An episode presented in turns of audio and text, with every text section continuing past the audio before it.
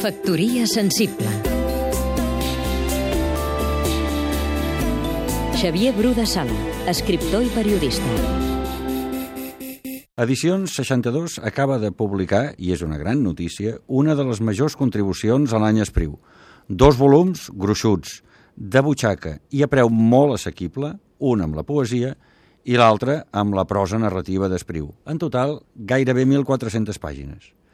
Ha arribat, doncs, el moment que s'acabin les excuses per conformar-se amb la frase del dia o altres referències fragmentàries Espriu.